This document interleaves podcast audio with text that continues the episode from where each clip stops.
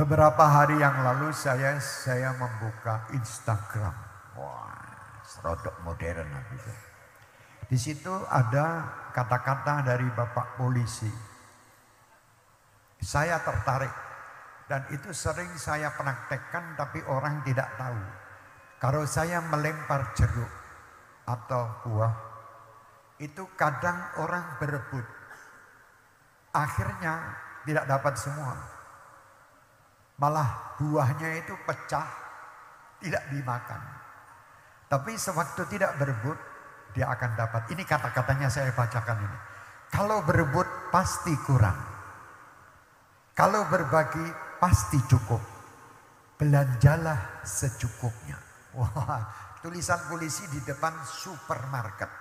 Nah, kalau berebut tidak akan cukup, ya pasti kurang karena rebutan. Tapi kalau kita mau berbagi, misalnya jeruk itu dipegang satu orang yang anu, kalau rebutan jatuh pecah. Tapi kalau dipegang tak, satu terus dibagi, semua dapat.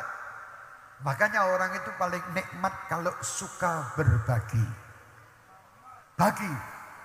Mendapatkan rezeki kalau kita rebutan akhirnya ribut di pasar.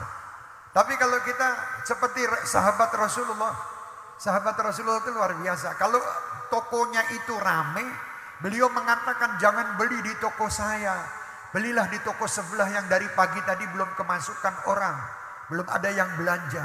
Saya sudah cukup, sana yang masih kurang. Kalau di Indonesia masyarakatnya begitu, saya yakin tidak ada orang rebutan.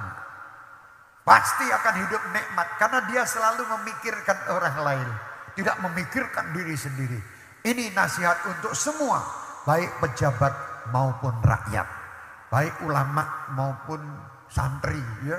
Ayo jangan berebut. Orang kalau berebut walaupun kadang begini majelis seperti ini. Majelis itu kalau berebut ulama satu sama ulama lain ribut ya jadinya kacau. Tapi kalau kerjasamanya bagus insya Allah majelis-majelis itu akan makmur dengan baik ya Bismillah kita lanjut sholawat sampai subuh